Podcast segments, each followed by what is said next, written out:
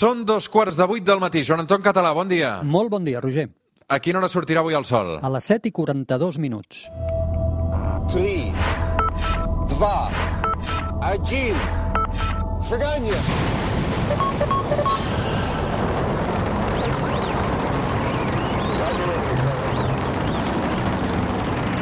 One small step for man.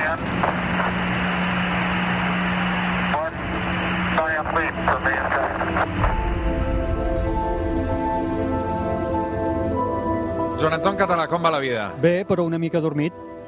Uh, carai, uh, i això, estàs acostumat els diumenges a llevar-te d'hora per això. El que Sí. passa és que avui hem dormit una hora menys, aquí, no? aquí, aquí està, aquí està. I tu que ets una persona influent, no podries Sí. fer que ja es carreguessin ja d'una vegada això, Això del canvi horari? Cada mig any tenim aquest debat, Joan Anton, i sempre és una eterna promesa que mai no acaba passant, no? Sí, sempre estan dient que sí que s'ho carregaran, però mira, cada any igual, bueno, dos El cops a l'any, que- com deies. Sí. Jo al cap de setmana dormo tan poc ja que ja no em ve d'una hora més. Tu ja ni ho que- notes.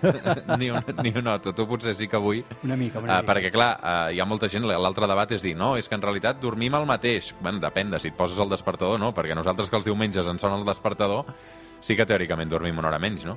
Sí, després és l'efecte del llum, també el, el bioritme natural. Hi ha molta gent, per exemple, jo em desperto sense despertador molts cops, simplement perquè Ah, sí? Sí, d'alguna forma doncs és com si el cos hagués acostumat i pum, els ulls se t'obren. A, més, em passa minuts abans de que soni el despertador. Al final, tot això és un canvi claríssim. Ens expliquin el que ens expliquin. Mhm. Joan Anton, eh, deixarem aquest debat eh, que fem cada sis mesos de banda i avui ens centrarem en alguns dels missatges que rebem dels nostres oients que ens fan peticions per la secció. Una pregunta que hem rebut molt sovint és en relació als quàsars, perquè molta gent vol que dediquem precisament un capítol de la Terra es plana a aquests objectes. I d'entrada, avui el que et volíem proposar és dedicar un capítol als quàsars. Perfecte, això és high level, eh, són objectes que ara veurem que són fascinants i anem, anem, a, anem a parlar dels quàsars, sí. Avui, nivell, per tant, totes les antenes ben posades. Avui, amb el Joan Anton Català a les Terres Plana, descobrim què són els quàsars.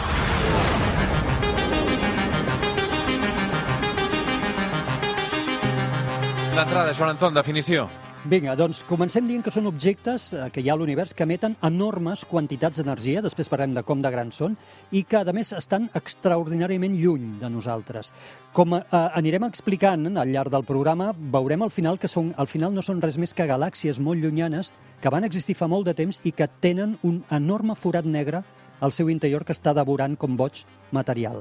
El nom quasar ve de, de la paraula anglesa quasi, quasi stellar, que vol dir quasi stellar object, que vindria així com objecte quasi estel·lar perquè, ara ho revisarem, històricament durant un temps van pensar els astrònoms que eren estrelles, que eren un tipus diferent d'estrella, i llavors era objecte quasi estel·lar, similar a estrella. I va passar temps, però bastant de temps, abans els, abans els científics no se'n donguessin compte que aquests objectes no podien ser estrelles i que eren el que anirem explicant galàxies amb forats negres dins. Joan Anton, per saber com es van descobrir, ens hem de remuntar al segle XX, no? Què estava passant en aquell moment? Sí, és un moment fascinant, n'hem parlat molts cops, però aquest cop també n'hem de parlar per entendre. Bàsicament, aquell començament de segle XX es produïa una de les grans revolucions de la cosmologia moderna. Després de molts debats històrics i de la millora amb les tècniques d'observació, els astrònoms entenien que l'univers era immensament més gran del que es pensaven, molt més del que els pensaven, i a més, a l'any 1228, Edwin Hubble, l'americà, descobria, o demostrava, millor dit, que l'univers estava expandint. Vull dir que si ja era gran, encara s'estava fent més de gran. I aleshores va ser que es van descobrir aquests puntets estranys, no? Sí, en aquells instruments d'època, estem parlant de començaments del segle XX, es van començar a detectar en el cel objectes que emetien eh, radiació que ens arribava en format d'ones de ràdio. Per tant, els detectàvem, inicialment ho vam eh, detectar amb radiotelescopis. I eh, què passava? Per què era tan estrany això? Perquè llavors, quan s'intentava apuntar en aquell lloc del cel amb telescopis òptics, no s'hi veia res. És dir, començàvem a rebre aquests puntets que emetien grans quantitats de llum en forma d'ones de ràdio, però no veiem òpticament no hi veiem res en aquells punts, no hi veiem ni estrelles, ni veiem absolutament res. Llavors, a poc a poc se'n van anar descobrint, de seguida a la dècada dels 60 ja en coneixíem centenars d'ells, però encara en aquell moment, com et dic, cap d'aquests centenars d'objectes es podia apreciar òpticament i llavors no, no, no es tenia ni idea de què eren. Uh, no va ser fins al 1963 que es van detectar, Joan Anton. Sí, finalment aquell any, el 1963, dos astrònoms americans, que són l'Alan Sandage i el Thomas A. Matthews, anunciaven la detecció del que semblava una petita estrella, molt petita, molt petita, de color blavós, en el punt del cel on s'ubicava una d'aquestes fonts misterioses que s'havien descobert, una font que s'anomenava 3C48. Era el primer cop que es podia emparellar una font misteriosa d'aquestes emissions de ratjos eh, de ràdio, en, en ona de ràdio, que es podia emparellar en un objecte lluminós, tot i que super, super feble. Eh? Uh, I pensaven en aquell moment que això eren estrelles. Uh, quan els àtoms es van posar a estudiar aquesta llum es van endur una sorpresa per això. Sí, els astrònoms... Que, que quan, quan els àtoms, no, quan els astrònoms, perdona. Quan els astrònoms es van posar a estudiar aquesta llum es van endur una sorpresa per això, Joan Anton. Clar, a, a mesura que van començar a analitzar la llum, a tenir dades, van veure que es tract... si és que era una estrella, havia, havia de tractar-se d'un tipus d'estrella totalment diferent a les estrelles que es coneixien fins a aquell moment. I de seguida van venir altres identificacions. De seguida es va començar a emparellar algunes d'aquestes fonts amb aquests puntets lluminosos molt febles, se'n van començar a detectar més. Com més s'estudiava aquesta llum que rebia, menys s'entenia que eren. I a l'any 1964 és quan es comença a utilitzar formalment aquest, tema, aquest terme que hem explicat, el quàsar, per referir-se a aquests objectes quasi estel·lars, que s'assemblen a les estrelles. Per tant, aquest quàsar ve de quasi estel·lar, eh? Exacte, és el que dèiem abans, és una paraula que ve de quasi estel·lar object, que és objectes quasi estel·lars que s'assemblen a les estrelles. Què va passar quan els científics van començar a descompondre la llum d'aquests petits puntets? Amb què es van trobar? Aquí va venir la gran sorpresa. Uh, sabem que hi ha una cosa, ho hem comentat també alguna vegada al programa, que són els espectres de llum. L'espectre de llum, per entendre'ns, és quan tu agafes una llum i la descomposes.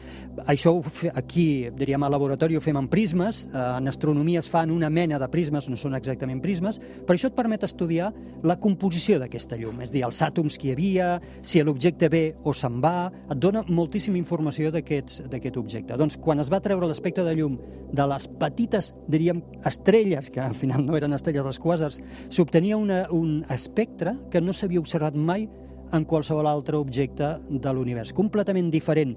I quan van veure, quan van calcular a partir de la, a partir de l'espectre si aquests objectes venien o se n'anaven, van trobar que se n'anaven de nosaltres, s'allunyaven a velocitats increïbles. Es va mesurar, per exemple, el famós 3C273, el primer quàsar, crec, que és el que es va eh, descobrir, se n'anava de nosaltres, s'escapava de nosaltres a una velocitat de 45.000 quilòmetres per segon. Això és un 15% de la velocitat de la llum. Increïble. Llavors, no hi havia explicació. Si eren estrelles, havien de ser molt properes perquè poguessin emetre una quantitat tan immensa de radiació, però llavors per què se n'anaven tan lluny? Qui, les havia, qui els havia donat un cop de peu, una puntada de peu, perquè s'escapessin el 15% de la velocitat de la llum? Era increïble. Mm -hmm. Tot això ho va resoldre el model que explica com funciona l'expansió de l'univers, Joan Anton. Sí, aquí recuperem l'expansió de l'univers i jo normalment sabeu que l'explico, no només jo, eh? en general s'explica com si estéssim inflant un globus i l'univers fos la superfície del globus, el globus el que va fent és crear goma, es va fent més gran i les galàxies que hi hem dibuixat sobre del globus es van separant totes de totes. Això és l'expansió de l'univers. Què passa? Que llavors, eh, clar, utilitzant l'expansió de l'univers, deien, ah, ja no fa falta que algú hagi donat una puntada de peu en un objecte perquè es mogui tan ràpid. Simplement cal que aquest objecte estigui situat ultralluny de nosaltres, perquè serà la pròpia expansió de l'univers la que farà que aquest objecte s'estigui allunyant de nosaltres a velocitats increïbles, però no perquè l'objecte es mogui, sinó perquè s'està creant espai, s'està creant goma en el globus entre nosaltres i aquest objecte.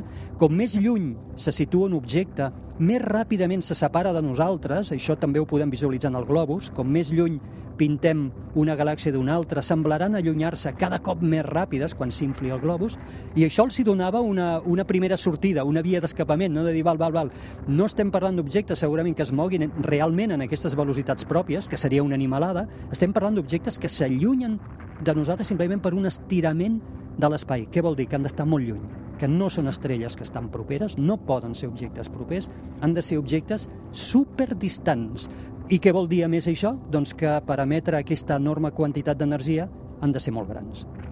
Segons tot això que estàs explicant, Joan Anton, per tant, els quàsars no podien ser estrelles. Quines hipòtesis tenien sobre què podien ser? Perquè ho havien de classificar d'alguna manera, no? Exacte, d'entrada no ho sabien, per això ja els donava una via escapament. Eliminaven el fet de que fossin estrelles, si més no properes, com acabem de dir, no explicaria ni la seva velocitat ni la seva quantitat d'emissió, i per tant eh, el, que, el que feien era pensar què podien ser aquests objectes tan llunyans. I a l'any 1964, dos astrofísics, el Salpeter i el Seldovich, proposaven que en realitat serien enormes forats negres situats molt lluny menjant material. Això també quan hem explicat els forats negres, sabem que els forats negres devoren matèria que cau en espiral, s'escalfa milions de graus i emeten enormes quantitats de radiació abans el material i la llum no desapareguin dins del forat negre, perquè un cop entren ja no en poden sortir. Segons aquests dos científics, aquesta serien els quàsars, forats negres enormes situats molt lluny, devorant matèria. Però què passa? Que en aquell moment, any 64, no se'ls va creure apenes ningú, perquè, entre altres raons, encara mai s'havia detectat un forat negre. Per tant, molts dubtaven, fins i tot, de que els forats negres fossin reals. I finalment eh, sí que vam arribar a la nostra definició, que és l'actual, que són galàxies amb nuclis actius. Exacte, un nucli actiu és un nucli d'una galàxia que té un forat negre supermassiu que està menjant-se matèria com un animal. I avui sabem que això és un quàsar. Per tant, són galàxies, això explica la, la, la seva magnitud d'energia que, que poden emetre des de tan lluny, és a dir, són objectes grans, situats molt lluny, en un forat negre supermassiu, en el centre, que devora matèria. Eh, avui sabem que aquest forat negre supermassiu és molt freqüent, és comú dins del nucli de les galàxies. La nostra Via Làctea, sense anar més lluny, té un forat negre supermassiu eh, que pesa 4 milions de vegades el que la massa del Sol dins del nucli. Però què passa? Que aquesta bèstia que nosaltres tenim a la Via Làctea està dormint. Jo sempre dic que és una bèstia dormida o a la targada. No, no està cruspint-se material. Segurament perquè en el passat ja va netejar tot aquell material que tenia a la vora. Però en, en els quàsars, aquest forat negre que tenen està encara devorant enormes quantitats de matèria que estan caient dins d'aquest nucli de la, de la galàxia on hi ha el forat negre.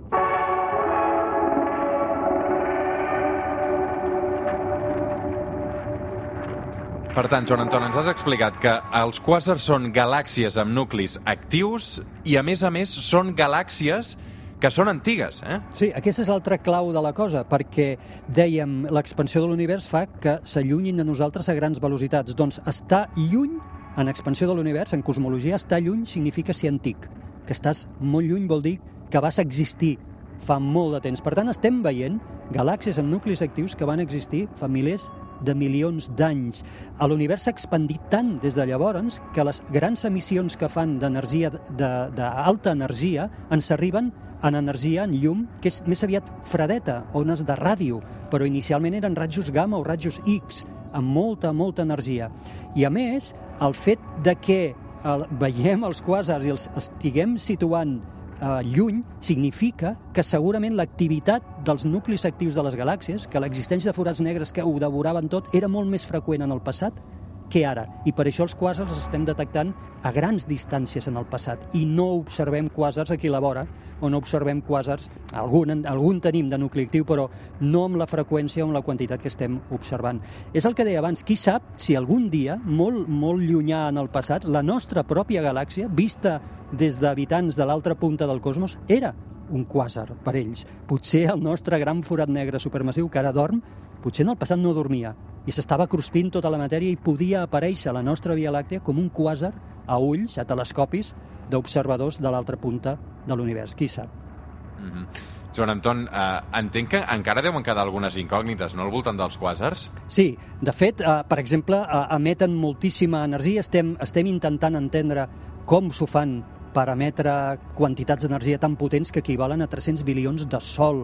Eh, perquè et facis una idea, el ritme... al Aquesta, Això és radiació o què és? Sí, això és radiació, això és llum, amb, amb diferents formats, eh? des de rajos X, com, i com dèiem abans, també ones de ràdio i ones de llum visible, tot això és llum. Però perquè et facis una idea, el, el ritme al que els forats negres aquests dels quasars es mengen matèria equival a empassar-se 10 planetes Terra a cada minut. És una animalada, és una animalada, una animalada.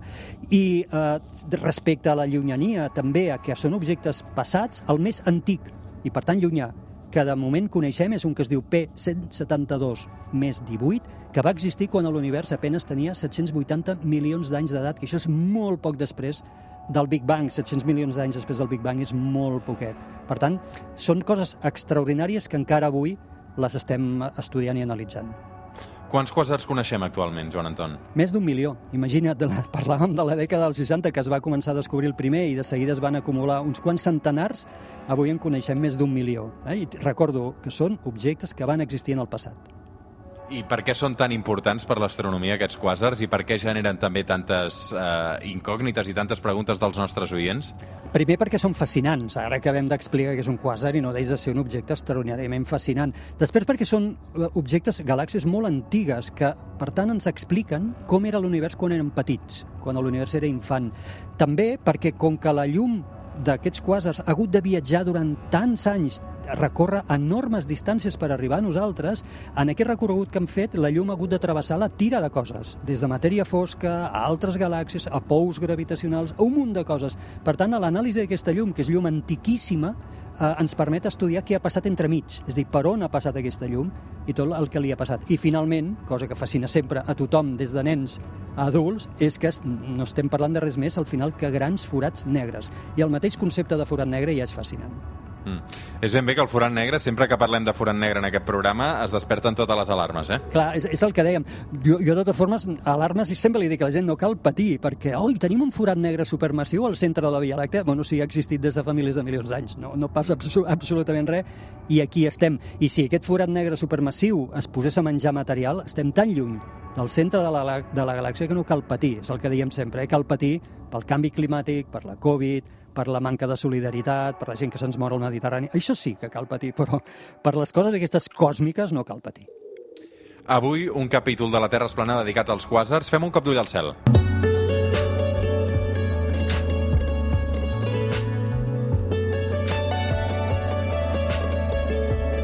Què hi passarà aquesta setmana al cel si fem un cop d'ull? Val, Joan mira, Anton? tenim la lluna plena avui. Avui tenim lluna plena, llavors qui miri el cel, a part de la lluna, veurà també tres puntets eh, taronjats, Mart, que n'estem parlant darrerament, cada cop més feble, però que forma un triangle molt xulo, amb dues estrelles també ataronjades, que són el Debaran, de la constel·lació del Taure, i Betelgeuse, de la constel·lació de l'Orió. Formen un triangle bastant xulo, tots tres objectes de color ataronjat al cel, i els nostres oients ja saben, perquè han assistit a les lliçons del programa, com distingir un planeta d'una estrella. I llavors, a l'alba, poc abans que es faci de dia, Saturn i Júpiter s'eleven cada dia una mica més per l'horitzó est, això, abans que no surti el sol. Mhm. Tu, eh, aquests dies i ara també amb aquest canvi d'horari, Joan Anton, com t'organitzes eh, la nit, bàsicament, per mirar el cel? La veritat, mira, ara diré una cosa que després la meva dona, quan ho senti, dirà, això vas dir? Mm. Miro poc al cel, però miro poc al cel, primera perquè no tinc temps. La veritat és que vaig bastant de bòlit, afortunadament, amb totes les coses de divulgació eh, que surten. I després perquè eh, he descobert que hi ha tanta gent en aquest moment, seguidors nostres del programa, per Twitter, etc, que estan mirant al cel i que m'envien fotografies, m'envien Que missatges... ja, ja ho fan ells sí, per tu. Sí, i el que em diverteix és fer circular, donar visibilitat en aquestes fotografies i observacions que fan els nostres seguidors. I en aquest moment hi trobo, hi trobo satisfacció més fent això que jo fent jo la fotografia. I qui, quina és la millor manera? Perquè, clar, eh, fer fotos del cel eh, és, és un altre capítol, aquest, no? Um, perquè a tu no sé si t'agrada observar-lo o també retratar-lo, perquè molta gent, precisament d'aquests oients que, que ens escolten i ens segueixen, el que volen és fer-nos enviar les seves fotos, no? Clar, eh, jo sempre dic a la gent també que el, el, el més xulo és observar, no cal fer fotografia, observar i deixar anar la imaginació, intentar entendre què és el que estàs veient, no? les estrelles, les fàbriques de l'univers, etc. Però el que deies, sí, eh, tots tenim la tendència a retratar perquè et queda el record i a més vols compartir amb els demés aquell moment. I això es pot fer en qualsevol càmera. Pensa que ens estan enviant fotografies amb càmeres de mòbil. No cal aquí una gran càmera i un gran, diríem, instrument i molt menys telescopis. Simplement un mòbil i pots fotografiar, per exemple, les fases de la Lluna o la Lluna plena quan surt per l'horitzó, unes fotografies fantàstiques amb, amb un skyline de ciutat mateix, és igual. Pots fotografiar aquest triangle que acabem de dir de l'espai entre Betelgeuse, Aldebarà i, i Mart en un mòbil o en una camereta ben senzilla. És dir, que al final no calen grans coses per poder compartir amb els demés aquesta fascinació pel cel. Mm -hmm. Joan Anton Català, un plaer com cada diumenge avui aquest capítol dedicat als quàsars. No ha estat fàcil, però eh, teníem molts oients que ens ho demanaven i avui hem volgut dedicar també uns minuts. Cuida't moltíssim, Joan Anton, una abraçada. Igualment, Roger. Fem una pausa i ara tornem al suplement.